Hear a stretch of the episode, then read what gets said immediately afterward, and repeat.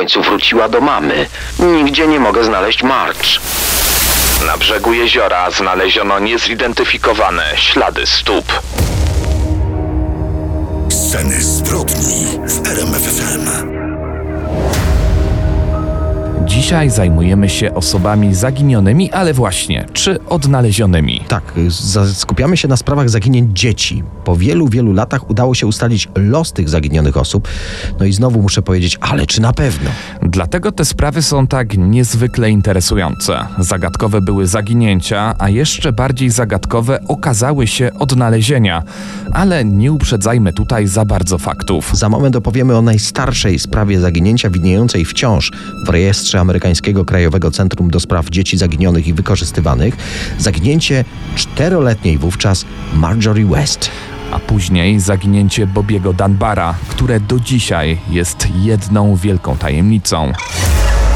Sceny zbrodni w RMFFM. Przeglądałem ostatnio amerykańskie zdjęcia, tak zwane cold cases, czyli sprawy kryminalne, w których od lat nie pojawiają się żadne nowe wątki. I trafiłem na fotografię taką naprawdę starą, wiecie, nawet, nawet nie czarno-białą, tylko jeszcze w sepi. E, Na zdjęciu mała dziewczynka w eleganckiej sukience, o twarzy aniołka, e, z jak się zdaje takimi długimi blond lokami, Choć wiemy, że w rzeczywistości były one rude, miała niebieskie oczy. ale to zestawienie tego niewinnego dziecka z kroniką kryminalną e, nie dało mi spokoju. Musiałem sprawdzić o co chodzi i tak właśnie trafiliśmy na sprawę zaginięcia Marjorie West. Miała zaledwie 4 lata, gdy wykonano to zdjęcie i było to zarazem jej ostatnie znane zdjęcie, a jej zaginięcie określa się, cytujemy, jako wielką, nierozwikłaną tajemnicę. Ale jak to u nas, w scenach zbrodni, po kolei. Marjorie West przyszła na świat 2 czerwca 1933 roku, czyli dzisiaj byłaby 90-letnią kobietą. Wiele osób, w tym jej rodzina, wciąż wierzy, że może jeszcze żyje, że dożyła sędziwego wieku pod innym nazwiskiem, w innej rodzinie, może w innym kraju. Urodziła się w miejscowości Bradford w Pensylwanii w Stanach Zjednoczonych. Miała o 3 lata starszego brata Alana oraz 7 lat starszą siostrę Doroteę. Rodzice typowa amerykańska rodzina na dorobku. Rejon miasteczka Bradford i, w ogóle ta okolica to miejsce pierwszej, powiedzielibyśmy, gorączki złota, ale czarnego złota. To tu w połowie XIX wieku odkryto ropę naftową i to tu powstawały na potęgę, na dziko szyby naftowe. Po upływie blisko 100 lat gorączka przygasła, ale wciąż wiele rodzin zatrudnionych było w branży wydobywczej. I właśnie ojciec Marjorie, Shirley West, weteran Wielkiej Wojny, jak wówczas nazywano I wojnę światową, znalazł zatrudnienie jako inżynier w firmie Kendall Refining. Matka Cecylia zajmowała się głównie prowadzeniem domu i wychowywaniem dzieci. Wiedli zwyczajne życie aż do 8 maja 1938 roku. Tego dnia rodzina Westów, jak w każdą niedzielę, wybrała się na nabożeństwo do kościoła w Bradford. To był jednak wyjątkowy czas. Amerykanie w każdą drugą niedzielę maja świętują Dzień Matki. Z tej okazji organizowane są majówkowe pikniki, spotkania w lokalnych społecznościach, często w miejskich parkach. Po kościele rodzina Westów wsiadła do auta i autostradą 219 udała się w kierunku polany w lesie Allegheny. Miejsce popularne dla okolicznych mieszkańców, zwłaszcza wśród myśliwych i wędkarzy. Piękna okolica, strumyk z pstrągami, kwitnąca łąka, szum drzew, śpiew ptaków, no i majowa pogoda. Idealny czas i idealne miejsce na piknik na łonie natury. 23-kilometrowa przejażdżka upłynęła szybko, w radosnej atmosferze. Na miejscu już czekali ich znajomi, zaprzyjaźniona rodzina Lloydów. Umówili się, że tu obchodzić będą ten piękny Dzień Matki. No właśnie, piknik, który w dniu takiego święta dla matki Marjorie okazał się wyjątkowym dramatem, który wracał do niej w koszmarach już do końca życia. 8 maja wraz z rodzeństwem, siedmioletnim bratem Alanem, 11-letnią siostrą Doroteą oraz oczywiście rodzicami Shirleyem i Cecylią wybrali się na piknik z okazji Dnia Matki. Beztroska zabawa dla rodzin na polanie w lesie Allegheny w pobliżu miejscowości Marshburg w stanie Pensylwania trwała w najlepsze. Zbliżała się godzina 15, gdy pani Cecylia West poczuła znużenie. Postanowiła chwilę odpocząć w samochodzie. Zeszła z łąki, skierowała się w stronę drogi, przy której Westowie zaparkowali auto. Jej mąż w tym czasie przygotowywał sprzęt wędkarski. Planował z przyjacielem połowić pstrągi w pobliskim strumieniu. Dzieci bawiły się beztrosko na polanie. No, nie do końca beztrosko. Okolica znana była z występowania grzechotników. Tato ostrzegł dzieci, by omijały głazy, w okolicach których węże lubiły się wygrzewać w słońcu. Dziewczynki Marjorie i jej starsza siostra Dorotea postanowiły pozbierać na polanie przy potoku kwiaty dla mamy. Akurat pięknie wtedy zakwitały fiołki. Dorotea, jako starsza, szybciej zbierała kwiaty na swój bukiet. Ucieszona niespodzianką, jaką sprawi mamie, pobiegła z fiołkami do samochodu, w którym pani Cecylia odpoczywała. To był jedyny moment, gdy zostawiła swoją siostrę bez opieki. I to był naprawdę moment. Jednak gdy siostra chciała wrócić do zabawy z Marjorie, nie mogła jej wypatrzeć w miejscu, w którym ją zostawiła. Zaczęła się rozglądać, potem biegać w różne zakątki polany. W końcu wróciła do mamy. Nigdzie nie mogę znaleźć March. Rodzice zaczęli szukać młodszej córki na polanie. Dołączyli do nich znajomi. Atmosfera beztroskiej zabawy prysła. Rodzice mieli nadzieję, że dziewczynka po prostu schowała się gdzieś w okolicy. Uwielbiała bawić się w chowanego. Nawoływali Marjorie, ale w ich głosach coraz więcej było paniki i strachu. W końcu zdecydowali, że wsiądą do samochodu i pojadą do najbliższego telefonu zawiadomić policję. Musieli przejechać 11 kilometrów, by znaleźć aparat telefoniczny. Zadzwonili na policję w miejscowości Kane. Niemal natychmiast rozpoczęto poszukiwania. Policjanci najpierw przesłuchali świadków będących na polanie. Nikt nie zauważył, by dziewczynka samotnie oddaliła się w stronę pobliskiego lasu. Nikt też nie widział, by dziecko oddaliło się z jakąś obcą osobą czy osobami. Przesłuchiwano także kierowców i motocyklistów, którzy mogli przejeżdżać pobliską drogą. Czy nie zauważyli samotnie spacerującej czterolatki o rudych włosach w niebieskiej sukience? Poza porzuconym bukiecikiem fiołków w miejscu, w którym zrywała kwiaty Marjorie, żadnych innych śladów. Przyjęto więc początkową wersję rodziców, że Marjorie schowała się gdzieś dla zabawy. Może zasnęła, może zgubiła się wśród drzew, może zasłabła lub miała jakiś wypadek. Skupiono się więc na przeszukaniu terenu w najbliższej okolicy. Szukano w dzień i w nocy. Lokalny dziennik Bradford Era pisał: Wszystkie dostępne latarki w mieście zostały włączone. W poniedziałek nadal prowadzono przeszukiwania w okolicy. We wtorek sprowadzono z Nowego Jorku wyszkolone psy tropiące. Poprowadziły śledczych niemal kilometr drogą biegnącą wzdłuż polany, ale w pewnym momencie straciły trop. Czy szła tędy Marjorie? Czy w miejscu, gdzie trop się urwał, wsiadła do jakiegoś samochodu? Świadkowie zeznali o trzech samochodach przejeżdżających tą drogą w okolicach godziny 15 właśnie w dniu zaginięcia dziewczynki. Jeden z nich jechał tak szybko, że aż zmusił nadjeżdżający pojazd do zjechania na pobocze. To był sedan Plymouth. Policja dotarła do kierowców dwóch z tych trzech pojazdów już we wtorek wieczorem. Akurat kierowcy tego sedana nie udało się ustalić. Środa to jest kolejny dzień poszukiwań. Burmistrz apeluje o tysiąc ochotników, którzy mogliby stawić się w lesie Allegheny i przeszukać okolice. Na ten apel stawiło się podobno aż 2,5 tysiąca osób. Zaangażowały się różne organizacje leśników, Korpus Ochrony Środowiska, weterani wojenni, Indianie. Do akcji włączyli się pracownicy okolicznych pól naftowych. W czwartek po zaginięciu, kto miał wolny dzień, zdecydował się spędzić go idąc w szpalerze, jeden obok drugiego, niemal na wyciągnięcie ręki, sprawdzając nie tylko zarośla, ale także pozostałości setek szybów naftowych, którymi usłana była cała okolica. W kolejnych dniach przeszukano coraz dalszą i dalszą okolicę. W sumie poszukiwaniami objęto teren aż 300 mil kwadratowych. W poszukiwaniach wzięło udział łącznie pół tysiąca policjantów i trzy tysiące ochotników. Po pięciu miesiącach nie udało się odnaleźć Marjorie ani żywej, ani jej ciała, bo zaczęto brać pod uwagę, że dziewczynka mogła zginąć w lesie w wyniku jakiegoś nieszczęśliwego wypadku, na przykład ataku niedźwiedzia, które się zdarzały. Mało kto wówczas dopuszczał myśl, że mogła zostać zamordowana. Wzięto również pod uwagę, że śliczna dziewczynka mogła zostać uprowadzona. W Bradford powstał Komitet Nagród Obywatelskich, który przeprowadził składkę funduszy i zaoferował za jakąkolwiek informację pozwalającą odnaleźć Marjorie olbrzymią jak na 38 rok nagrodę w wysokości 2,5 tysiąca dolarów. Współcześnie to miałoby wartość około 200 tysięcy złotych. Nie pomogło. Rodzina Westów już nigdy nie zobaczyła swojej Marjorie. Sprawa przycichła, pozostała w aktach jako nierozwiązana. Ale po latach pojawił się niespodziewany wątek. Otóż lokalny dziennikarz Harold Thomas Beck, redaktor naczelny pisma Mountain Laurel Review, trafił na akta tej sprawy poruszyło go to tajemnicze zaginięcie.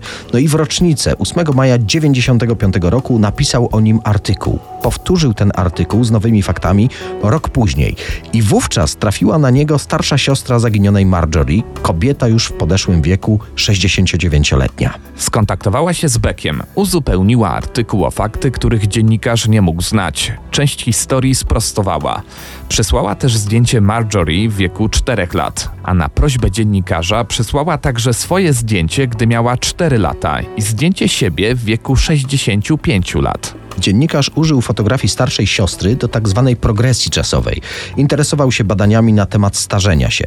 Z pomocą komputera wygenerował wizerunek Marjorie, jak wyglądałaby w latach 90., zakładając, że mogłaby jeszcze żyć. Skorzystał także z coraz bardziej powszechnego wynalazku z internetu i uruchomił stronę dotyczącą zaginięcia dziewczynki. Zaproponował także 10 tysięcy dolarów nagrody za informacje w tej sprawie. Trafiły tam także zdjęcia uwzględniające progresję wiekową. Po kilku latach bingo! To było jak szukanie igły w stogu siana, ale na początku 2000 roku skontaktowała się z nim kobieta, która twierdziła, że jej koleżanka z pracy wygląda wypisz, wymaluj jak ta komputerowa symulacja. Ta odpowiadająca rysopisowi koleżanka z pracy nazywała się Sylwia Waldrop London. Dziennikarzowi udało się namówić ją na spotkanie i szczerą rozmowę. O jej przebiegu dowiedzieliśmy się jednak dopiero dekadę później z wydanej przez Becka w 2010 roku książki o poszukiwaniach Marjorie. W trakcie spotkania z sędziwą panią London Harold Beck wyjawił cel wizyty i to, że podejrzewa, że może ona być zaginioną ponad 60 lat wcześniej dziewczynką. Pani Sylwia stanowczo zaprzeczyła, że to niemożliwe, miała przecież kochającą ją rodzinę trop okazał się ślepy. A jednak dziennikarz pozostał z kobietą w kontakcie, wymieniali korespondencję i okazało się, że dziennikarski nos jednak go nie zawiódł.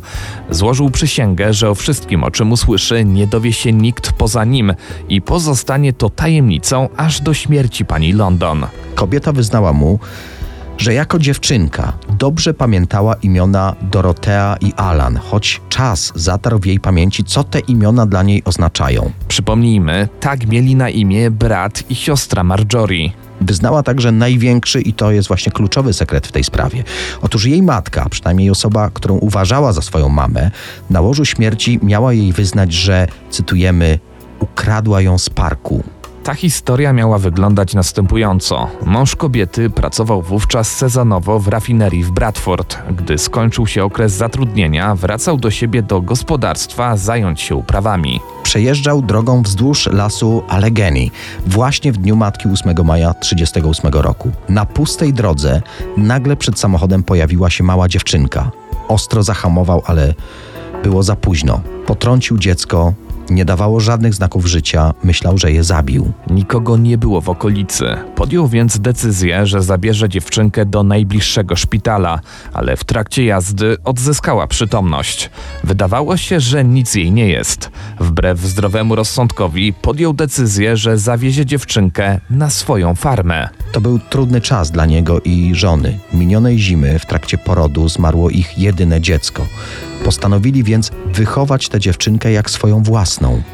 Harold Beck dotrzymał słowa. Z publikacją tych tajemnic, które być może rozwiązują zagadkę jednego z największych amerykańskich zaginięć, zaczekał do śmierci Sylwii London. Kobieta, która mogła naprawdę nazywać się Marjorie West, zmarła na raka 27 lutego 2009 roku w wieku 75 lat. Sceny zbrodni w RMFFM. Scenach zbrodni opowiadać będziemy o tajemniczych wydarzeniach ze stanu Louisiana. W sierpniu 1912 roku zamożna rodzina Dunbar odwiedziła wraz ze swoimi znajomymi jezioro Swayze. Często przyjeżdżali tam do swojej chatki, chętnie wędkowali i cieszyli się piękną przyrodą. Rodzinna sielanka, tak moglibyśmy powiedzieć. Ale okolice jeziora Swayze miały też niebezpieczne oblicze. Aligatory, zdradliwe mokradła i gęsty las. 23 sierpnia był kolejnym beztroskim wakacyjnym dniem. Jednak nie dla wszystkich. Głowa rodziny Dunbar, Percy, musiał wrócić do miasta ze względu na pracę. Jego synek, czteroletni Bobby, bardzo przeżywał rozłąkę z tatą. Chłopiec zalał się łzami, ale Si Dunbar pocieszała swoją najstarszą pociechę i zapewniała, że tato szybko wróci. Informacje na temat tego, jak wyglądała dalsza część dnia, są sprzeczne.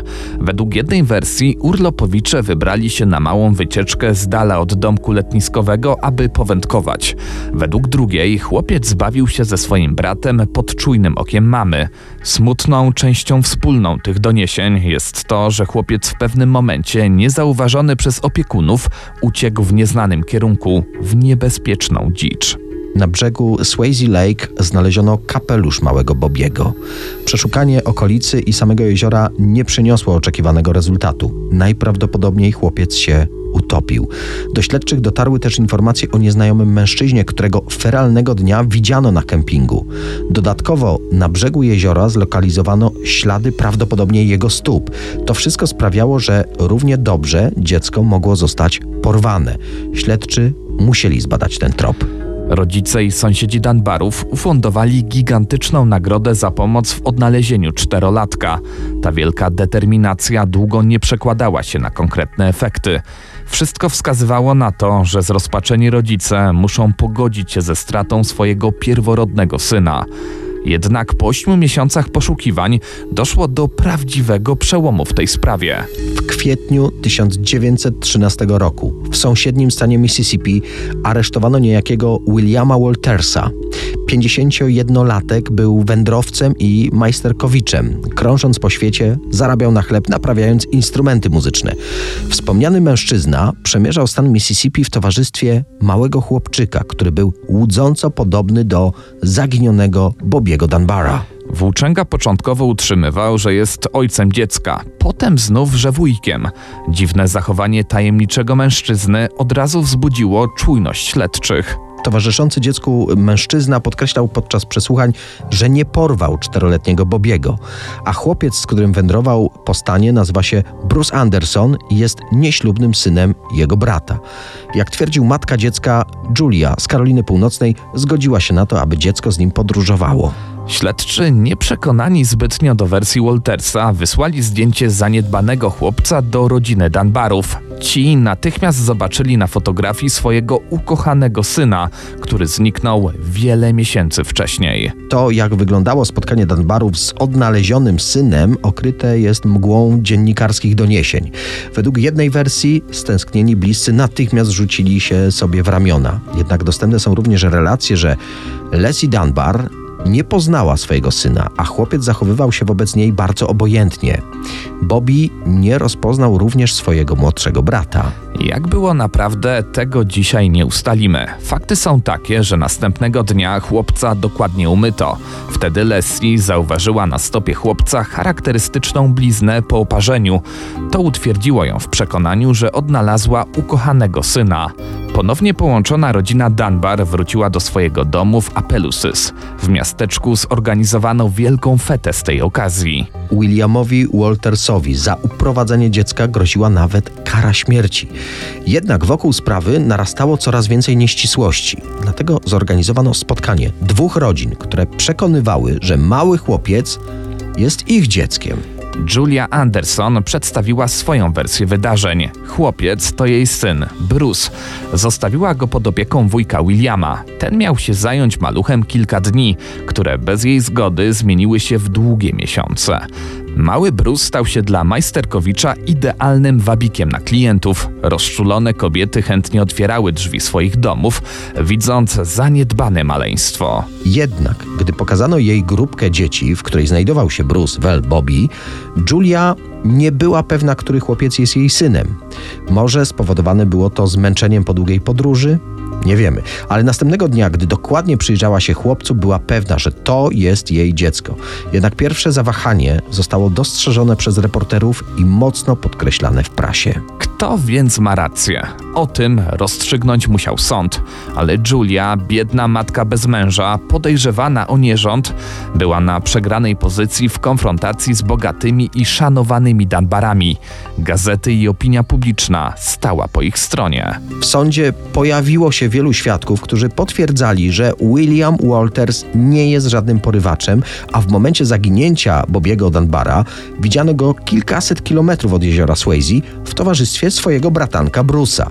Mimo wielu nieścisłości, sąd uznał Williama Waltersa za porywacza i skazał go na dożywocie. Dziecko trafiło do rodziny Dunbar. Zrozpaczona Julia Anderson nie miała po prostu pieniędzy na ponowny proces. Chłopiec dorastał w dobrze usytuowanej familii. Jednak zdecydowanie nie można powiedzieć, że cała rodzina żyła długo i szczęśliwie. Kilka lat później, w tragicznych okolicznościach, rozpadło się małżeństwo Persiego i Leslie. Po dwóch latach odsiadki w więzieniu wyrok Williama Waltersa został unieważniony przez sąd stanowy i wyszedł on na wolność. Lata mijały. Cudownie odnaleziony Bobby założył rodzinę, doczekał się czwórki dzieci i później wielu wnuków. Nieubłagany czas zabierał z tego świata głównych bohaterów tej historii. Julia Anderson, po tym jak została skrzywdzona przez sąd, doczekała się kolejnych dzieci i założyła nową rodzinę. Do końca życia opowiadała swoim pociechom o bracie Brusie, który został im odebrany. Ta sprawa prawdopodobnie już na zawsze pozostałaby opowieścią o domniemanych ludzkich krzywdach, gdyby nie Margaret, bardzo zdeterminowana wnuczka Bobiego Danbara. Kobieta, słysząc wiele rodzinnych doniesień na temat tej niezwykłej historii, na przełomie tysiącleci postanowiła sama dokładnie sprawdzić, jak wyglądało odnalezienie jej ukochanego dziadka. Rozpoczęła własne śledztwo, analizowała informacje z archiwalnych gazet, dotarła do dokumentów i notatek, którymi dysponował obrońca Williama Waltersa. Z każdym dniem, gdy zajmowała się tą sprawą, jej dotychczasowy poukładany świat obracał się do góry nogami. Ze zgromadzonych dokumentów wynikało jasno, że jej dziadek nie mógł być zaginionym Bobim Dunbarem. Margaret dotarła do dzieci Julie Anderson. Zszokowały ją wspomnienia o tym, że jej dziadek kilkukrotnie odwiedzał swoje domniemane rodzeństwo. Aby ostatecznie rozwiązać tę sprawę, konieczne były badania DNA, z oczywistych przyczyn niedostępne w momencie zaginięcia Bobiego Danbara w 1912 roku. Za to w 2004 roku analiza DNA jednoznacznie potwierdziła, że mężczyzna wychowany jako Bobby Dunbar był w rzeczywistości Bruce'em Andersonem. Działania Margaret zdecydowanie nie podobały się rodzinie Dunbar, były tylko rozdrapywaniem starych ran. Z drugiej strony pozwoliły oczyścić imię Williama Waltersa, który niesłusznie przesiedział w więzieniu dwa lata za porwanie. Czy Percy i Leslie Dunbar od początku wiedzieli, że odnaleziony chłopiec nie jest ich dzieckiem, a z rozpaczy i pod presją otoczenia postanowili nie wyjawiać prawdy? Prawdziwy Bobby Dunbar najprawdopodobniej zginął w wodach jeziora Swayze 23 sierpnia 1912 roku. Sceny zbrodni w RMFFM.